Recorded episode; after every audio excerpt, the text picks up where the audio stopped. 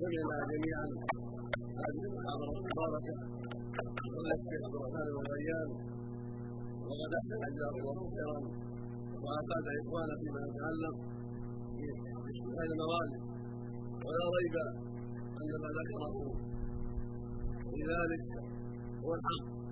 وأن هذه الموالد التي ابتدعها الناس منكرة. ولا أساس لها الشريعة وما كتبنا وكتب غيرنا في على رسائل من الزمان كتب العلماء وبينوا بدعة هذه الموالد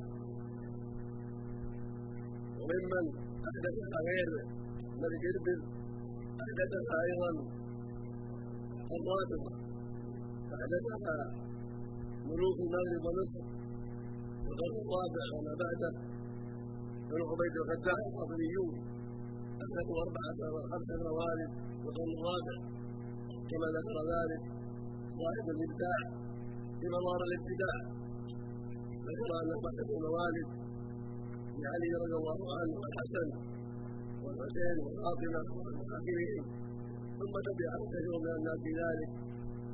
وهي مخترعة ليس لها أساس ما يفعل رسول الله صلى الله عليه وسلم ولا أصحابه.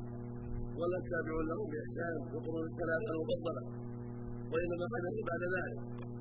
والخير كله اتباع الرسول صلى الله عليه وسلم وأصحابه. والصلاة والصلاة. والشر كله بدع. والمحدثات وأما درس السيرة ففيه إمكان أهل العلم تدريس السيرة كما يدرس أيضا. يدرس السيرة بدون احتفالات.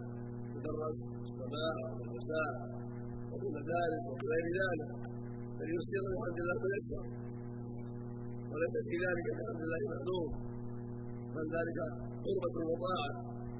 كما تدرس علوم أخرى الحديث والفقه وغير ذلك. وأما البدع فهي من أعظم ما يضر المسلمين ويحذرهم والشيطان يدعو إليها ويحذرها لأن البدع يرون أنهم على حق فلا فلا يتوبون ولهذا صارت البدعة أحب إلى الشيطان من المعصية. لأن المبتدع يرى أنه على حق فلا يتوب ويصر على بدعته والعاصي قد يتوب لأن يعرف أنه مخطئ وأنه غلطان. فقد يتوب حتى يتوب ويبادر بالتوبة